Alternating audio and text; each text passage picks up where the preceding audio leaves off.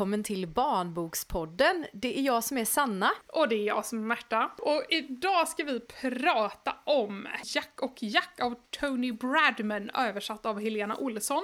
Mm. Och sen så ska vi prata om Kattvännen av Malin Eriksson Sjögärd som är illustrerad av Lina Blixt. Ja men precis, och det kändes som att förra gången så sa vi ju faktiskt att vi skulle fortsätta i bara 9 12 års eh, andan. Men... Vi ljög. Ja, vi ljög. Nej, men jag trodde faktiskt också att båda böckerna var 9 till 12, men det är ju faktiskt 6 till 9 den ena och så från 9 på den andra. Vilken känner du dig mest eh, manad att uh, börja med då? Ja, ska vi ta kortast först kanske? Ja, du går på min stil. ja, men exakt, fast tvärtom. Tjockast först, ja men då får jag börja.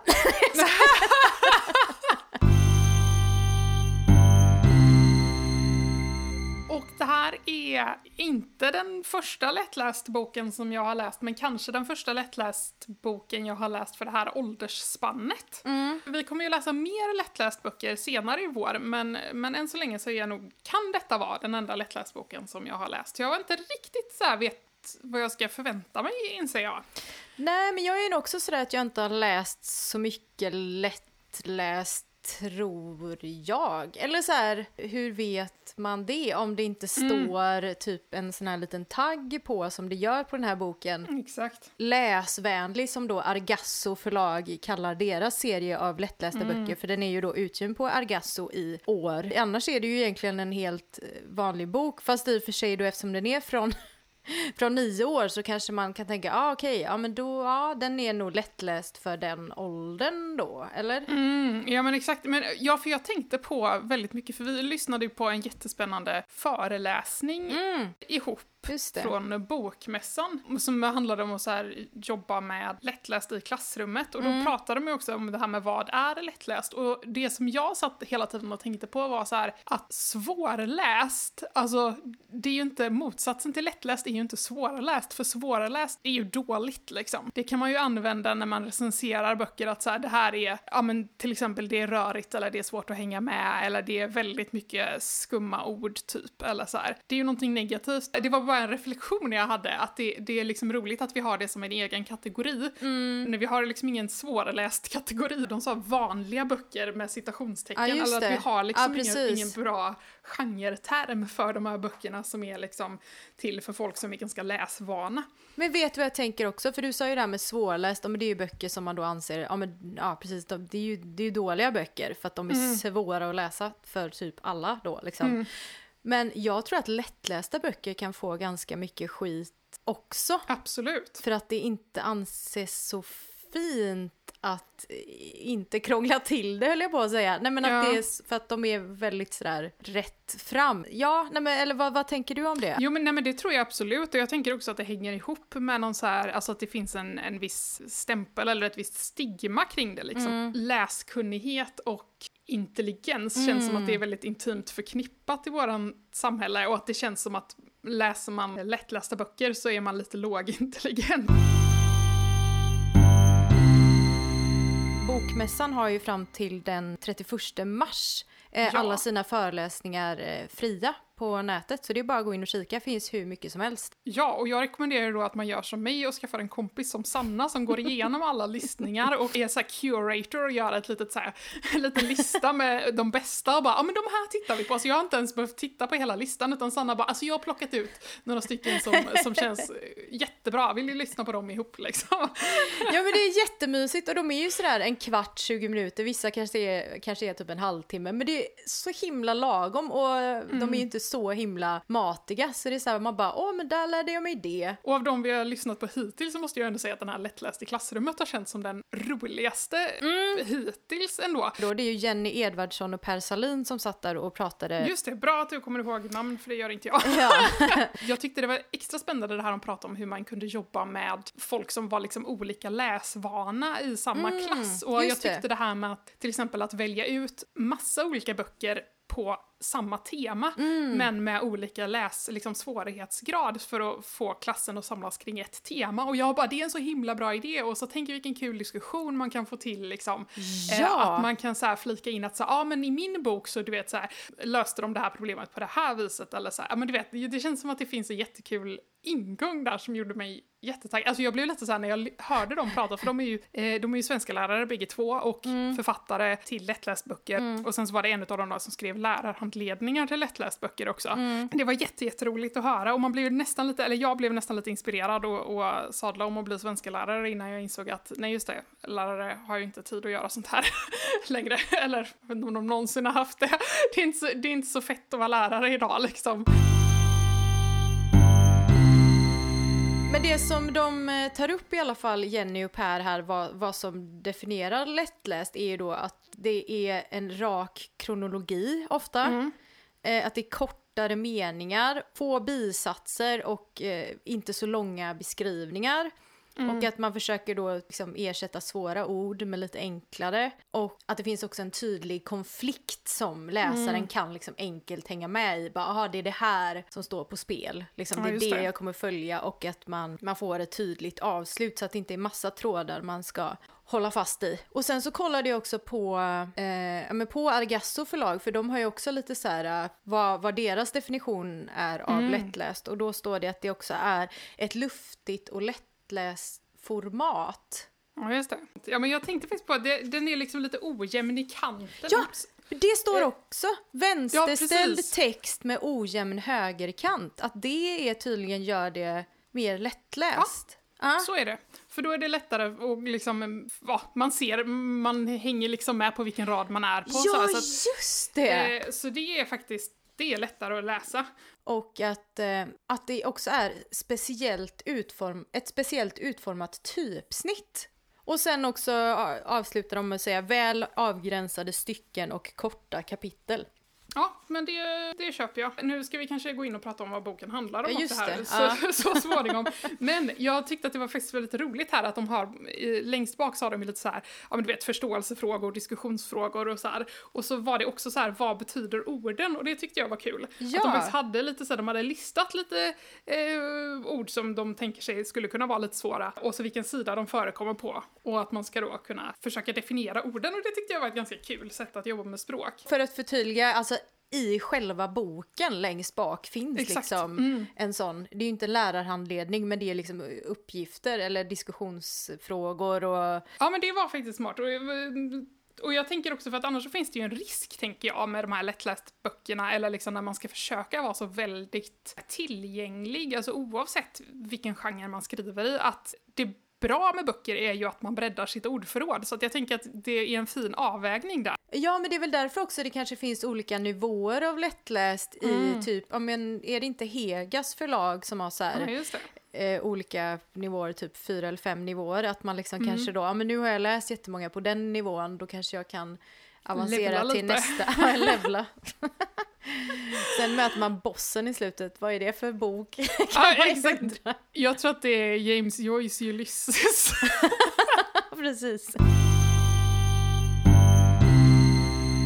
vi berätta vad Jack och Jack handlar om? Får jag bara säga innan? Självklart. den är ju första gången också från 1999 den här boken. Ja, ja. Mm. Då släpptes den i, på engelska då, i Skottland och originaltiteln är The Two Jacks. Just det. Så nu kan du köra handlingen Nu vill. kör jag handlingen.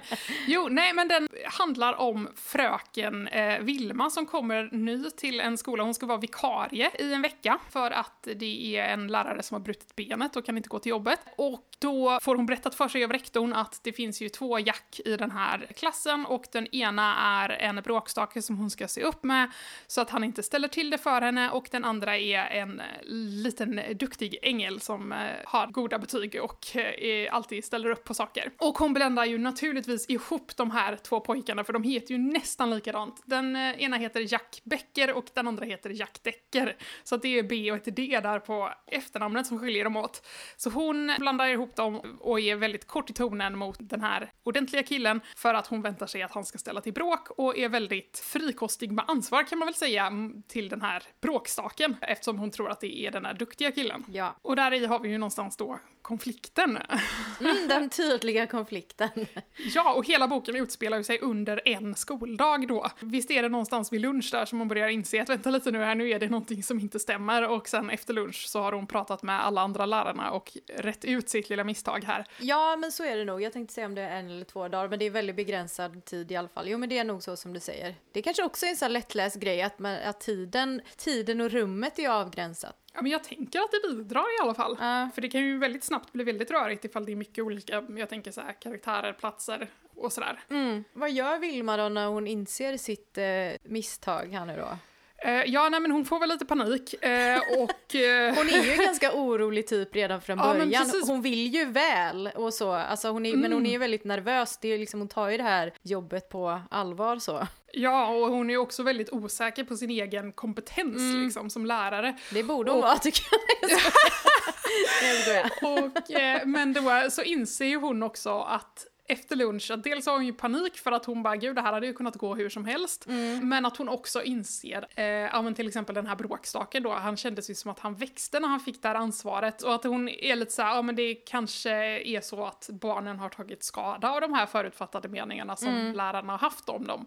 Och sen så försöker hon då jobba på det resten av sin vecka där och försöker ja, balansera upp då så att den ena Jack blir lite mer avslappnad och inte ja. blir så, eh, vad ska man säga, säga, så himla duktig. Och den andra Jack får lite mer ansvar och lite mer självkänsla. Och jag tycker det är en fin grej också, där, där kanske de avviker lite från det lättlästa spåret. Det finns ju en bakgrundshistoria till varför ja, de här mm. Jackes, äh, Jackeserna Jacksarna är som de är.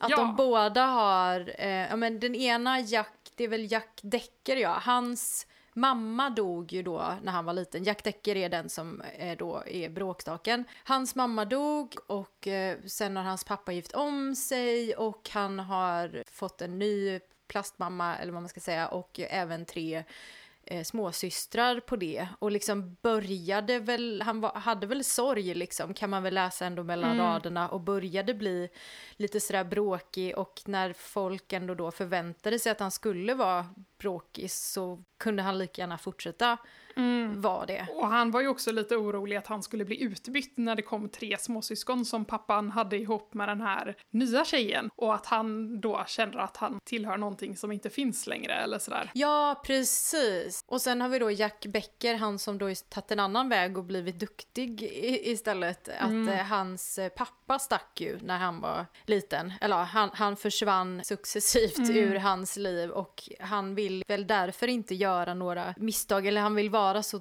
duktig som möjligt för han kanske också blamar sig själv över att pappan lämnade. Exakt, han är, det är väldigt tydligt att han har tagit på sig skulden mm. för detta. Det är ju liksom inget fel på hans mamma så det är ju uppenbart att det måste vara Jacks fel att pappa har mm. stuckit liksom. Mm. Och därför så är han så här, ja men jag måste liksom vara jätteduktig eh, så att jag inte, ja men du vet, så inte mamma kanske också tröttnar på mig mm. eller sådär. De bär ju uppenbarligen på väldigt tunga grejer, bägge de här killarna som påverkar deras eh, beteende. Jag tyckte det var väldigt fint och dessutom att det inte alltid är så att bara för att man har en jobbig bakgrund att man blir den bråkiga. Mm. Eller för det tycker jag man ofta ser, utan det, att det också kan bli att man överkompenserar och är så, ska vara så duktig och perfekt mm. också hela tiden. Att det finns liksom båda sidor där. Jag tyckte det var väldigt fint att få med det mm. i då en lättläst bok. Ja. Ja, man hade ju sett ut som att jag inte förväntar mig någonting av lättläst, det gör jag ju. Nej men precis, eftersom de eh, nämnde det här med att man gärna inte skulle ha hopp i tiden så tänker jag det här, mm. det bryter ju mot den förväntningen liksom.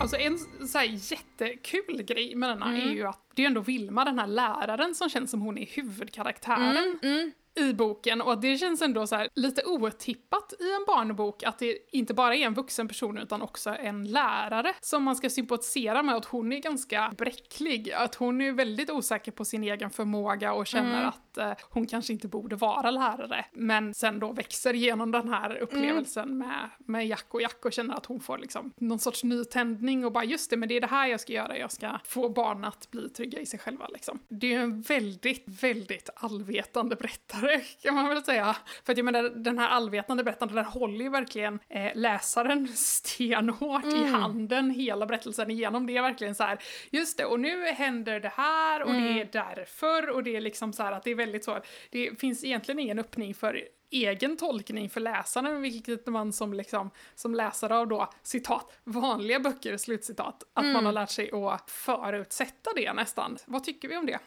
nej, men, nej men, för jag var tudelad där. Mm. Ja, ja, men å ena sidan så blev jag så här, oh, min hjärna bara slappnade av. Mm, mm. Som ibland när man bara vill sätta på en film som är så här, jag och mina kompisar brukar säga en no-brain film. Alltså typ, mm. jag vill bara sätta på en no-brain film så att jag, alltså så här, jag behöver inte anstränga mig för att följa med, jag följer med i filmen. Mm. Eh, och, och det här var lite så, och jag kunde uppleva att det var ganska skönt för en mm. gångs skull. Men sen så blev jag då andra sidan lite så här, att det är ju väldigt så här moralkaka. Mm. Eller upplever du att den verkligen serverar att det här är fel, så här borde Vilma gjort istället och du, du, du, eller? Den har en otroligt tydlig sensmoral liksom förutfattade meningar är dåligt. Mm. Den ligger ju verkligen och balanserar precis på gränsen till att verkligen tvåla in det i ansiktet på läsaren. Mm. För det är ju som sagt, det är ju ingenting som karaktärerna tänker eller så som inte skrivs ut i klartext.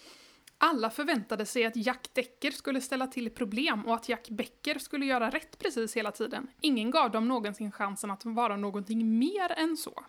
Men det förtjänade den chansen, tänkte Vilma. Hela klassen förtjänade chansen att få visa upp nya sidor av sig själva. Och det var hon som skulle se till att de fick den.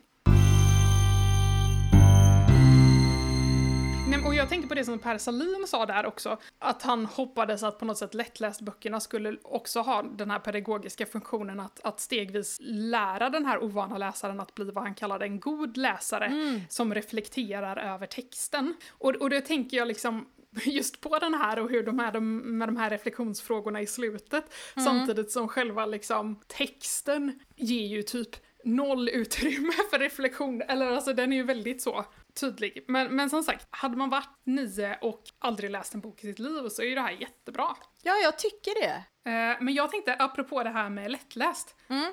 att bägge pojkarna heter likadant. Jag förstår ju att det är viktigt för konflikten, men jag bara gör det verkligen boken så värst lättläst? För jag kände att jag satt där ja, och blandade ihop det. dem hela tiden.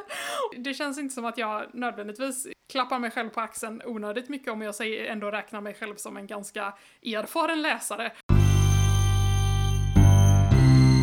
Men alltså jag, jag gillar den. Mm. Det är en kul idé, den är lättläst och man kan säkert känna igen sig i ja, den ena eller den andra Jack. Så.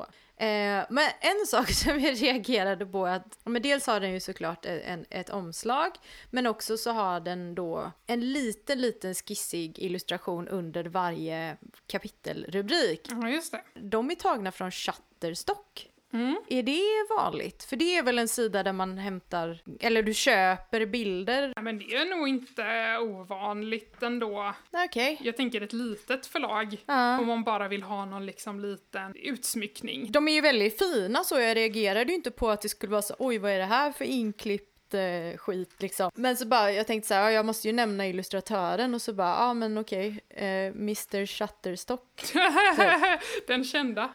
Och även i vuxenböcker så är det ju ibland så att man vill ha någon liksom extra dekoration just vid kapitelnamnet typ. Och då tror jag att det är, är ganska vanligt att man eh, gör så. Men då tänkte jag så här då, om det då är vanligt och det kanske jag förstår nu också typ att man kanske inte alltid skapar allting från grunden utan köper bilder och, och klistrar ihop och sådär. Men till exempel då, mm, ja men vi säger att så här, ja, men jag, på framsidan vill jag ha en bild på en, en tjej och typ vi har inte möjlighet att fota det själv så vi kommer köpa den här bilden.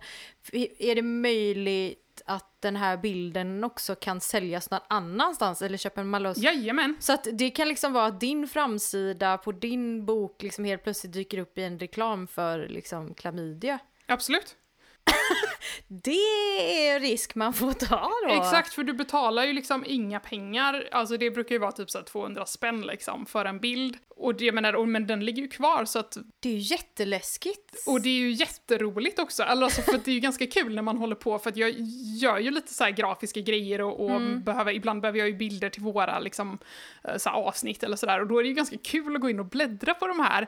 För att ibland så ser man ju verkligen bilder som man känner igen från Just bokomslag. Det. Och att jag upplever att jag har ett ganska bra så här, omslagsminne så att det är kul så här, alltså böcker som jag knappt har läst. Att jag är såhär, ja, och, och, här har vi ju den liksom, händerna med jordgubbar från, eh, så här, ja, då ska jag sjunga dig milda sånger eller vad sjutton boken heter, eller så här, uh. som jag typ inte ens har läst. Och jag var så här, ja, nej men att det, det är kul att man kan göra, att man kan känna igen dem och det blir ju också ett problem när det är till exempel två olika förlag använder samma eller väldigt lika bilder och det kan de ju göra ändå men då kan det ju bli lite gnälligt från förlaget som antingen var först eller är störst.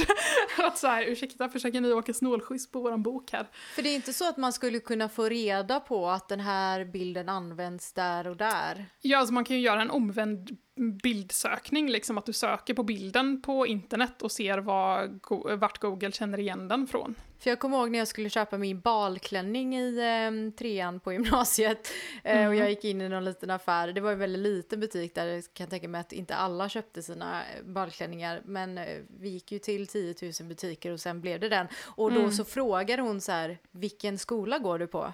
Mm. Så här, ja den skolan, ja men då ska jag se till att ingen på just din skola köper just den klänningen. Nej men åh, det var ju fint, ja. det var ju service ändå. Hur? Så jag tänker så här, finns det ingen sån grej liksom att så här, nej men nu har Opal redan använt den så att eh, nu kan, eh, nej.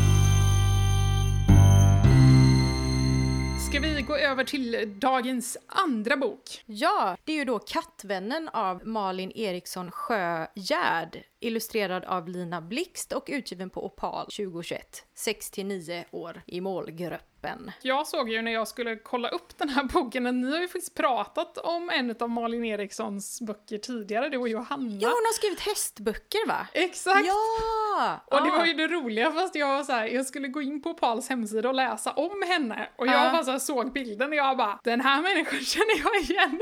För jag vet ju att Johanna nämnde det också men vi har ju läst en kurs ihop, eh, jag och Johanna Anna och eh, Malin Eriksson Sjögärd på den tiden som hon bara hette Malin Eriksson tror jag. Jaha, vad då för kurs? Kan den ha hetat eh, recensionens teori och praktik kanske? Jaha! Så att vi läste bokrecensioner ihop, men det var, jag minns att det var väldigt intressant att prata med Malin, jag som inte har läst så mycket hästböcker. Det finns en väldigt aktiv så här, feministisk rörelse kring det här med hästböcker just för ah. att de tar ah. upp typ, alltså tjejers problem och att de är mm. ganska så här, de är inte så ansedda hästböcker men att det är, ger en unik möjlighet att ta upp vissa saker och det tyckte jag var väldigt intressant. Mm. Men det här är i alla fall inte en hästbok, det är en kattbok. Eller? Ja, precis!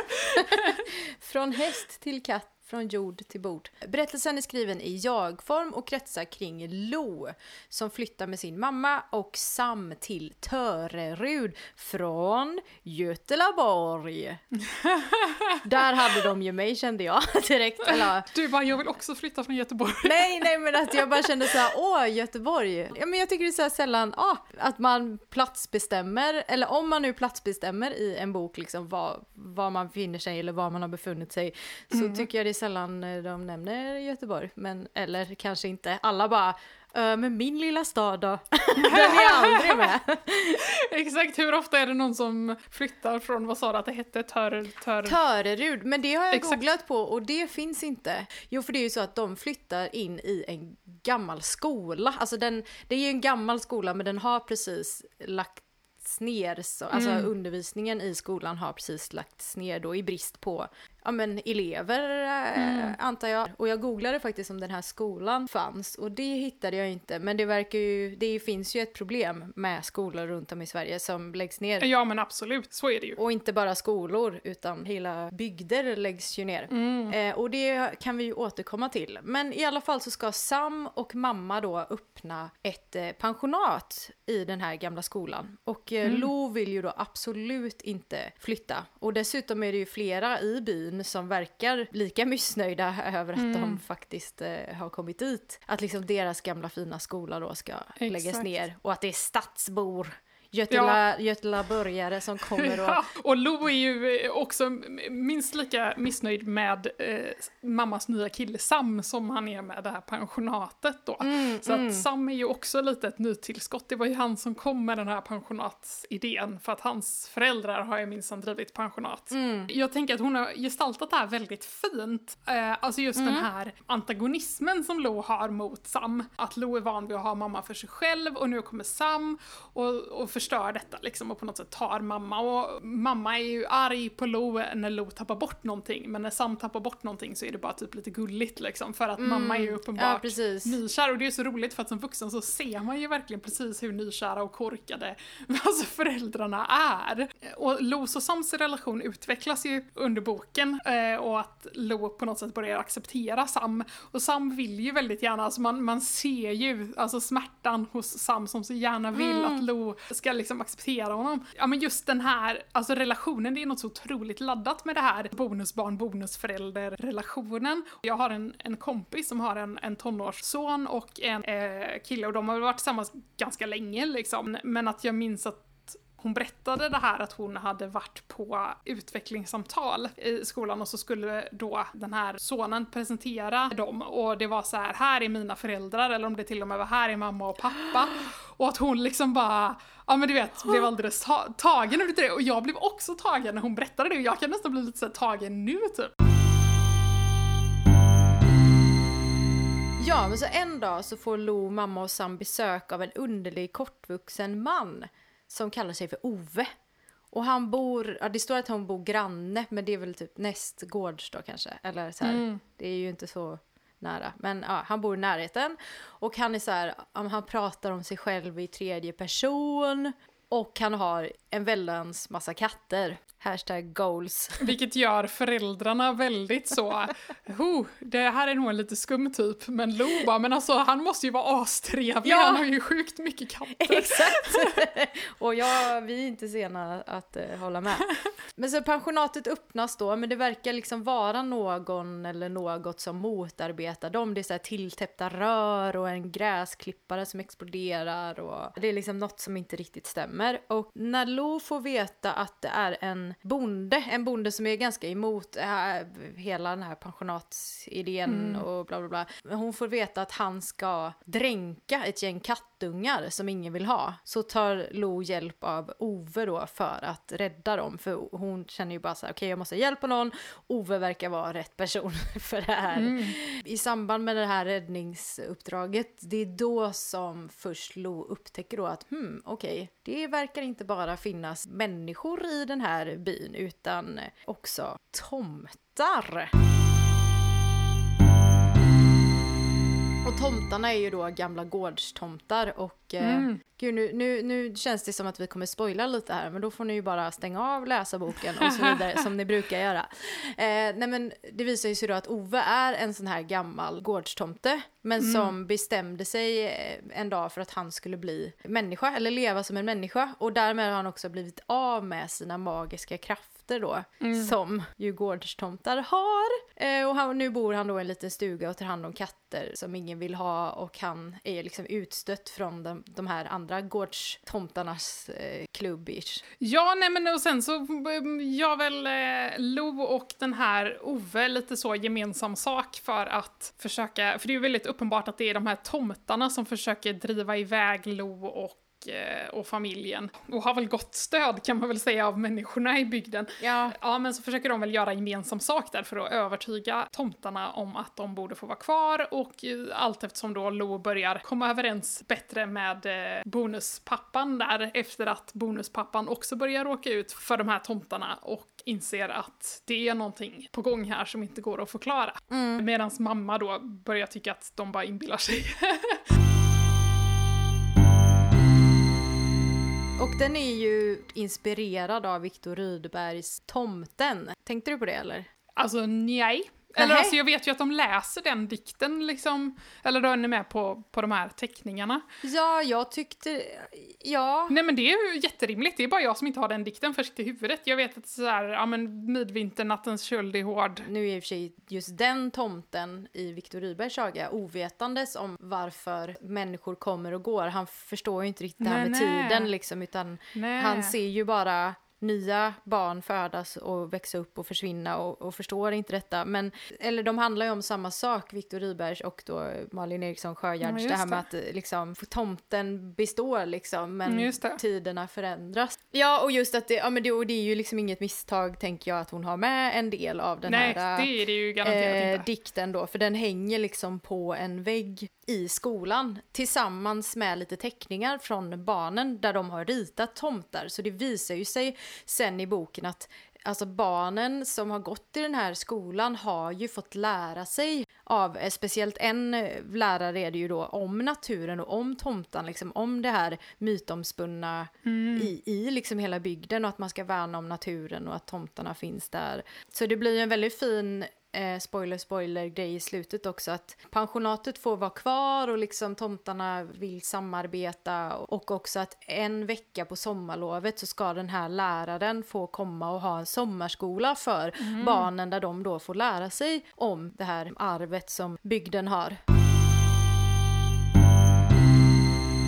Hela boken aktualiserar ju verkligen någon så här, det finns ju någon sorts konflikt här mellan stad och land och att det finns, alltså det finns på något sätt två parallella rörelser. Dels är den här avfolkning, eller avbefolkningen mm. av landsbygden och sen så är det den här otroliga romantiseringen av landsbygden. Jag tycker att hon gestaltar jättefint hur mamma och Sam är så här nykära och helt naiva, alltså mm. stadsbor mm. på något sätt som tänker sig att de ska du vet komma hit och så styra upp mm. eh, landsbygden och att de ska liksom revitalisera den på något sätt med sitt pensionat och att det är ju härligt, då kommer det folk liksom. Mm. Eh, Medan då gårdstomtarna är ju liksom så här, fast vi behöver inte turister, vi behöver folk som stannar liksom mm. och tar hand om jorden. Och att också de andra människorna i stan är väl liksom ganska försiktigt negativa till till de här utbölingarna då som kommer och ska driva pensionat. Eh, nej men jag, jag, tycker att Malin Eriksson har liksom eh, fångat den problematiken väldigt fint. Ja men jag, jag, tyckte, jag tyckte om det. För några år sedan så kom det en så här, ett viralt klipp där det var en eh, kvinna som sa åt sin man, ja men kan du tänka dig att ta hand om tvätten? Och han bara så här, vet du, jag har upptäckt en grej. Hon bara va? Ja, det är liksom magiskt så här. Ja, okej. Okay. Alltså om du lägger tvätten där och sen går du till jobbet och typ jobbar och så.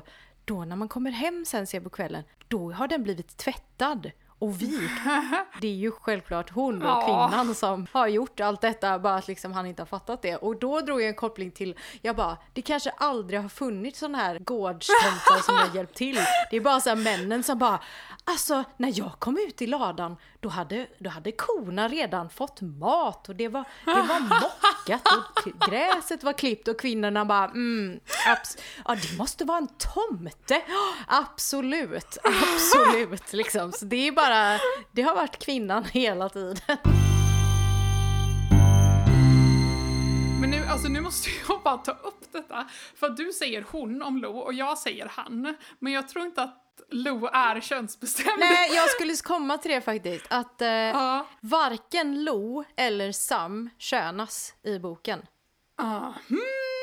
Mm. Och det, det, går ju att undgå problemet väldigt bra där eh, med Lo, för att det är ju ett jag. Ja, just det. På bilderna har ju Lo då väldigt manliga attribut, kort hår och sådär. Men eh, hen könsbestäms inte och det gör inte Sam heller. Det var ju intressant. Och det kan ju inte vara en slump att både Lo och Sam är ju könsneutrala namn. Nej men alltså jag har ju tänkt så mycket på det här med, med just valet och inte köna sina karaktärer. Mm. På ett sätt så är det ett så kul drag och det ger det liksom en viss öppenhet. Så ja men du kan läsa Lo som en tjej och jag kan läsa Lo som en kille. Mm, mm. Men jag kan också så känna att det blir typ så kontraproduktivt, att det nästan blir så här, det enda man gör är att man bygger en fälla för läsaren. Och jag mm. tänker framförallt sådana läsare som du och jag som ska så prata om boken. Nej men alltså så här, för man har ju egentligen inte gjort någonting. Alltså jag i mitt så uppenbart eh, hetero eh, och mansdominerade hjärna var ju såhär, mm. ah, ja men Lo är, är en kille mm. och eh, det är ett heterosexuellt föräldrapar. Precis, och då har det liksom inte så här, då har ju inte boken gjort någonting för att utmana min min världsbild. Nej. Vilket jag, jag hade ju på något sätt då blivit lite utmanad om det var två mammor då, eller en mamma och hennes nya tjej. Mm. Och då hade jag liksom behövt omförhandla min kärnfamilj liksom. Men, men att det missar man ju lite när man lämnar det så öppet för läsaren. Att det känns som att man bygger upp för att det ska, man ska kunna sitta antingen som författare eller någon annan och bara ah, fast jag skrev aldrig att det var en kille. Jag tänker ju så himla mycket på den här, alltså jag vet inte om jag blivit så provocerad någon gång i mitt liv som när vi tittade på den här, de skulle presentera, de nominerade till Augustpriset i höstas och då var det ju såhär, den här Kråkorna, mm. där är ju huvudpersonen heller inte könad. Eh, och eh, den här stackars Yukiko Duke oh. sitter, där och bara säger han. Och så sitter det här så snusförnuftiga, han är säkert jättetrevlig men just ja. då tyckte jag inte om honom som person. Eh, då sitter den här snusförnuftiga illustratören och bara ah fast vi skrev aldrig att det var en kille. Och hon bara, du vet man ser hur hon bara helvete. Ja men precis, hon sitter där med sina så cue cards och bara så här börjar slänga dem typ så här. det står ju han överallt på det här. Ja. Ja men det kändes som att så här, han var beredd. Exakt, att då har man liksom såhär bara, ah, fast jag är så himla tjock och duktig, vi har faktiskt inte känt så det är ditt fel som läsare om du har liksom läst inte fel. Ja men, ja, men, men exakt! Det, alltså, jag, jag kan tänka mig att folk som sitter där bara ja, ja nu kommer de som har skrivit Kråkorna och sen bara helvete, jag har också könat Aha, den här personen. Exakt. Och, att så här, och då känner man att det på något sätt man får någon skuld själv. Man så, skäms ju!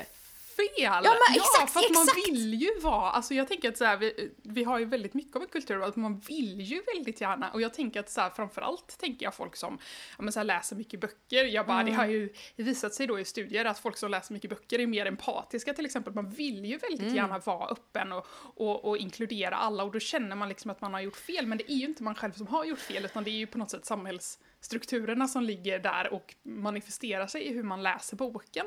Eh, men som sagt, hade man då skrivit till exempel i, i Kråkorna att det var någon som inte ville definiera sitt kön. Mm, då som sagt, då mm. har man ju det här igen, att då blir man liksom utmanad som läsare. Samtidigt så förstår jag att man inte alltid vill göra det för att då är det så lätt att det blir fokuset i berättelsen eller mm. att så här. Men å andra sidan, nu blir det ju det också, för nu är det det vi sitter och pratar om. Och jag tänker så himla mycket på det här, alltså jag tänker Sam och mamma som har den här, bara, åh nu ska vi köpa den här gamla skolbyggnaden och inrätta ett pensionat och du vet så här, vi ska fixa frukost till gästerna. Och så här, det, det är ju jätte inte, alltså man förstår ju den romantiska eh, drömmen. Ja. Även om det, alltså man också, just också eftersom man läser ur Los perspektiv så känner man ju väldigt så att vad mamma och Sam är fåniga eller naiva eller så mm. eh, men så tänker jag så här, jag vet, det var en kompis som gjorde mig uppmärksam på detta och jag tyckte att det var så himla roligt och så himla mm. sant för att hon bara så här, ja men det är ju som att alla människor har en kafédröm yep. eller så här kaféidé eller yep. så här, och jag bara, alltså det är så himla sant. Eller att det är så här, att hon bara, jo men alltså du, du kan liksom lära känna en människa genom att fråga så här, vilken är din kafédröm? Det är så sjukt! Bra! Ja!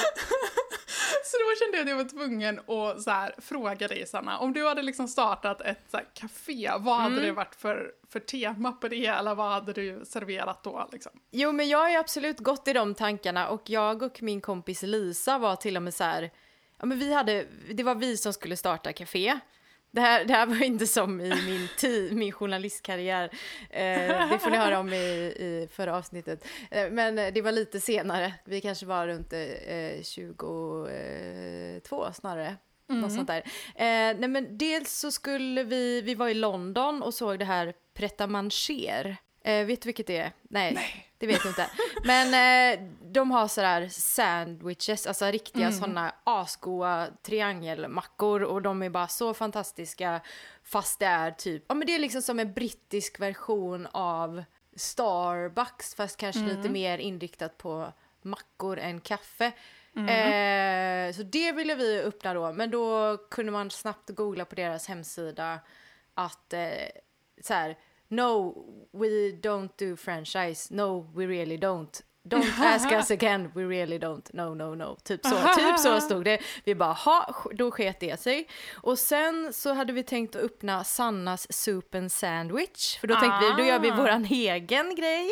Jag älskar att det var så här våran och så hette det så här Sannas Soup and Sandwich. Det var faktiskt Lisa som tyckte att det, ah, Allitteration, she's in love with that too. Sannas soup and sandwich. så vi tänkte så här, så här idé liksom att vi skulle ha typ som soppautomater eller man skulle kunna servera sig själv mer men att vi, mm. det skulle verkligen vara så här asgoda soppor från grunden och typ så här, och sandwiches då som så här triangelmackor. Men det blev inte så. Uh, du blev barnboksförfattare istället. Uh, men däremot, alltså hon bodde i Umeå ett tag och där mm. finns det ett café som heter Café Göteborg. Och det, alltså, mm.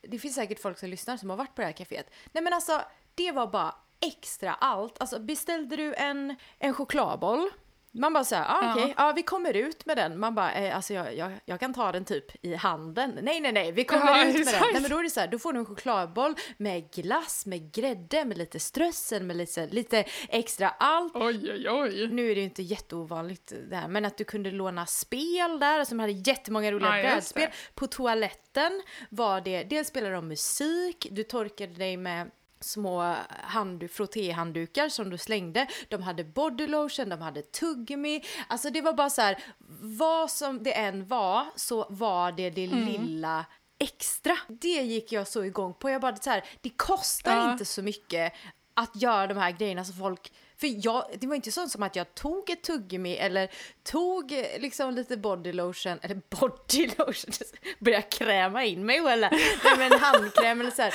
Men jag uppskattade gesten, det var bara mm. så här Ja men och Lisa var såhär, ja Sanna beställ en chokladboll så ska du se vad som händer. Jag bara vadå, kommer det komma ut någon slags stripp nu och det är såhär choklad en liten, liten, liten strippa. För stripporna i Umeå är ju så himla små. Men det är, det är en sån här liten tomte tänker jag som är kattvänner. Ja! Exakt! Där knöt vi ihop det! Men då måste jag ju ställa motfrågan då. Vad, liksom, hur har dina kaféplaner sett ut? eh, nej men alltså jag har tänkt att så här, det hade varit kul att ha ett frukostcafé, alltså ett dedikerat frukostcafé. För att frukost är ju uppenbarligen mm. dagens bästa mm, mm, mm, måltid. Och det hade varit så kul att så här, servera jättemycket olika varianter på, på frukost. Alltså tänk typ att det finns liksom en, alltså tänk, alltså, tänk hotellfrukost, mm. alltså en sån buffé liksom. Så att man kan gå till kaféet och äta frukostbuffé eller få så här, ja men du vet, chia-pudding i små så här glasburkar eller så här, I don't know, croissanter, frukostfrallor. Det är så här, så jag bara ett dedikerat frukostcafé. men, skulle, men skulle du servera frukost hela dagen då? Eh, ja. ja, för, ja, men för det tänker jag är det unika då, liksom så här att du kan alltid gå och äta frukost. Och det tycker jag också ja. är en fin gest mot oss som gillar att sova lite längre. Mm. Ibland sova till och med tills liksom eftermiddagen. Men man vill ändå ha sig en god frukost. Det måste ju vara Oves hus på framsidan. Ja precis, det ser ju inte direkt ut som en skolbyggnad. Ah. Nej. Bilderna kan vi ju prata om också, det är otroligt, otroligt fina bilder. Det ser ut som det är någon sorts blyertsteckningar eventuellt i någon sorts kombination mm. med, ja vi vet ju inte om det var det är för färg på, på det man har tecknat med, för de är ju svartvita. Men och det ser också ut som att det är mm. någon sorts akvarell, eller om det möjligtvis är akvarellpenna som man har använt. Och de är ju väldigt fina men också lite så mörka och ja. Ja, men väldigt texturerade. De, de är ju lite läskiga, kan man säga så? Ja, men också, alltså jag uppskattar det så mycket. I, i varje hörn, alltså, eller var, inte varje hörn faktiskt, men i höger hörn uppe och ja, vänster hörn uppe så är det ju på varenda sida en liten kvist. Och jag tycker att det typ underlättar min läsning. Jag vet inte varför. Alltså typ att det liksom finns någon slags Nej, men, har, har, har, du forskat på detta? nej, det, nej, det har jag faktiskt inte. Men jag kan ju hålla med om att det känns mysigt. Liksom. Det känns ju som att man sitter där i den här lilla skogsdungen och läser. det håller ihop. Och jag vet inte, i Harry Potter är det ju också så mycket på varje sida. Ja just det, det är lite så stjärnor och så i Harry Potter. Då blir den liksom mer illustrerad mm. än vad den är, eller vad man ska säga. Det, det förgyller läsningen, tycker jag. Ja, Så vet man ju också vart man ska vika när man viker och ska se Va? vart man är. Det gör Nej, man väl inte? Jag var såhär, vad är detta? Vad, Nej, det gör jag inte. Vad har jag podd ihop med för kriminell människa? Det var så käckt för jag lånade massa bilderböcker hem som jag skulle läsa, eller som jag har läst. Och då var det en bok där det antagligen hade glidit ner en liten sån här inplastad så här, nyhet Mm. Alltså en mm. liten sån, en pappersbit. Och jag bara, åh, ja. bokmärke! så nu har jag tagit den. Tänker inte lämna tillbaka den. Gud, jag använder allt möjligt som bokmärke annars. Har du något så här, ja, du målar ju dina egna Jo men alltså bokmärken. det där är ju så roligt. Jag såg, det var någon som hade så här tecknat en så här skämtteckning om typ så här saker jag använder som bokmärken. Det är så här, ja men typ en liten bit av ett kuvert, ja men så här någon gammal inköpslista, typ en snörstump som jag inte riktigt vet var den kommer ifrån och sen så bara saker jag inte mm. använder som bokmärken och så här en bild på en så här jättevackert så här faktiskt bokmärke med så extra små tofsar och grejer som var så uppenbart gjort för att ha i böcker. Och jag så kände igen mig så väldigt mycket i det. Ja men ja verkligen, alltså typ det som oftast är närmast till hands när jag ska lägga i ett bokmärke, det är en annan bok. Ja, ja men det är precis, mm, den var faktiskt med på listan också. Nästa avsnitt då kommer vi bara att ta upp en bok, men inte så bara. Den ligger lite i tiden om vi tänker på att vi befinner oss i en pandemi. Just det. Och så är det ju en ungdomsbok, eh, så den är för en lite äldre publik än de jag läst hittills i år va? Ja, med ett väldigt eh, vackert omslag. Ja! För det kan vi ju säga också att dagarna innan vi släpper ett nytt avsnitt, då kan man gå in på vår Instagram eller vår Facebook där vi lägger ut en liten ledtråd kring vilken eller vilka böcker vi kommer att prata om i eh, nästa avsnitt. Och då får man gärna gå in och gissa där. Och vi har ju fler grejer som händer på vår Instagram. Ja, precis! Nej men det, det är helt riktigt. Ja men dels så får man en liten, eh, vi publicerar små så här smakprov på, på avsnitten och så gör vi också oftast en liten så här lustig lek baserat på någon av de böckerna som vi har läst till det senaste avsnittet. Så att eh, det händer grejer även när vi inte släpper avsnitt så besök oss gärna på sociala medier och för guds skull kolla in våran snajsiga, snygga hemsida barnbokspodden.se. Ja, Hej så länge! Ha det så fint! Hej då!